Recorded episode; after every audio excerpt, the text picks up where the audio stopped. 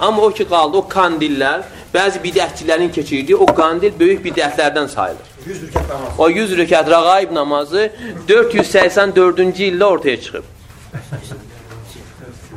484-də Peyğəmbər sallallahu 500 il sonra 474 il sonra ortaya çıxan bir şey gör. Yəni şeytan necə bidəti bidəti insanlara sevdirir, necə bağlayır. Hansı ki, bəlkə də onu keçinən insanlar bəlkə fərz namazlarını qılmırlar.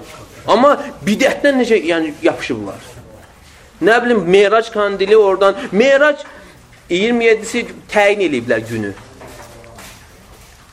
Peyğəmbər Meyraca çıxır. Əlbəttə Peyğəmbər Meyraca çıxır, fəzilətli gündür, amma onun ilində ixtilaf var. 4-5 görüş var. Bəziləri deyir ki, Beysətin 5-ci ilində, bəziləri 6-cı ilində, bəziləri 10 10-cu ilində, bəziləri e, hicrətdən 6 ay əvvəl. İlində ixtilaf var. Bunlar isə günündə təyin edib onu keçirirlər. Nə qədər, yəni problemdir, yəni bəladır. Və ona görə deyir ki, bu nə vaxt başlayır? 484-cü ildə Qüdüsdə Qüdüsdə birisi gəlir namaz qılır və səsi gözəl olur. Səs gözəl olmaq da bir tərəfdən yaxşı şey deyil.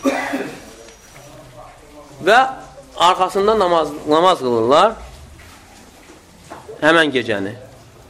Və bu cür, bu il belə gedir, ikinci illə belə qılır və sonra bidət olaraq qalır. O, o vaxtdan indiyə qədər də o bidət, yəni rəqaib namazı 100 rəkat, nə bilim, orada 10 dəfə ixlaslar oxunması, bunlar hamısı böyük bidətlərdən sayılır.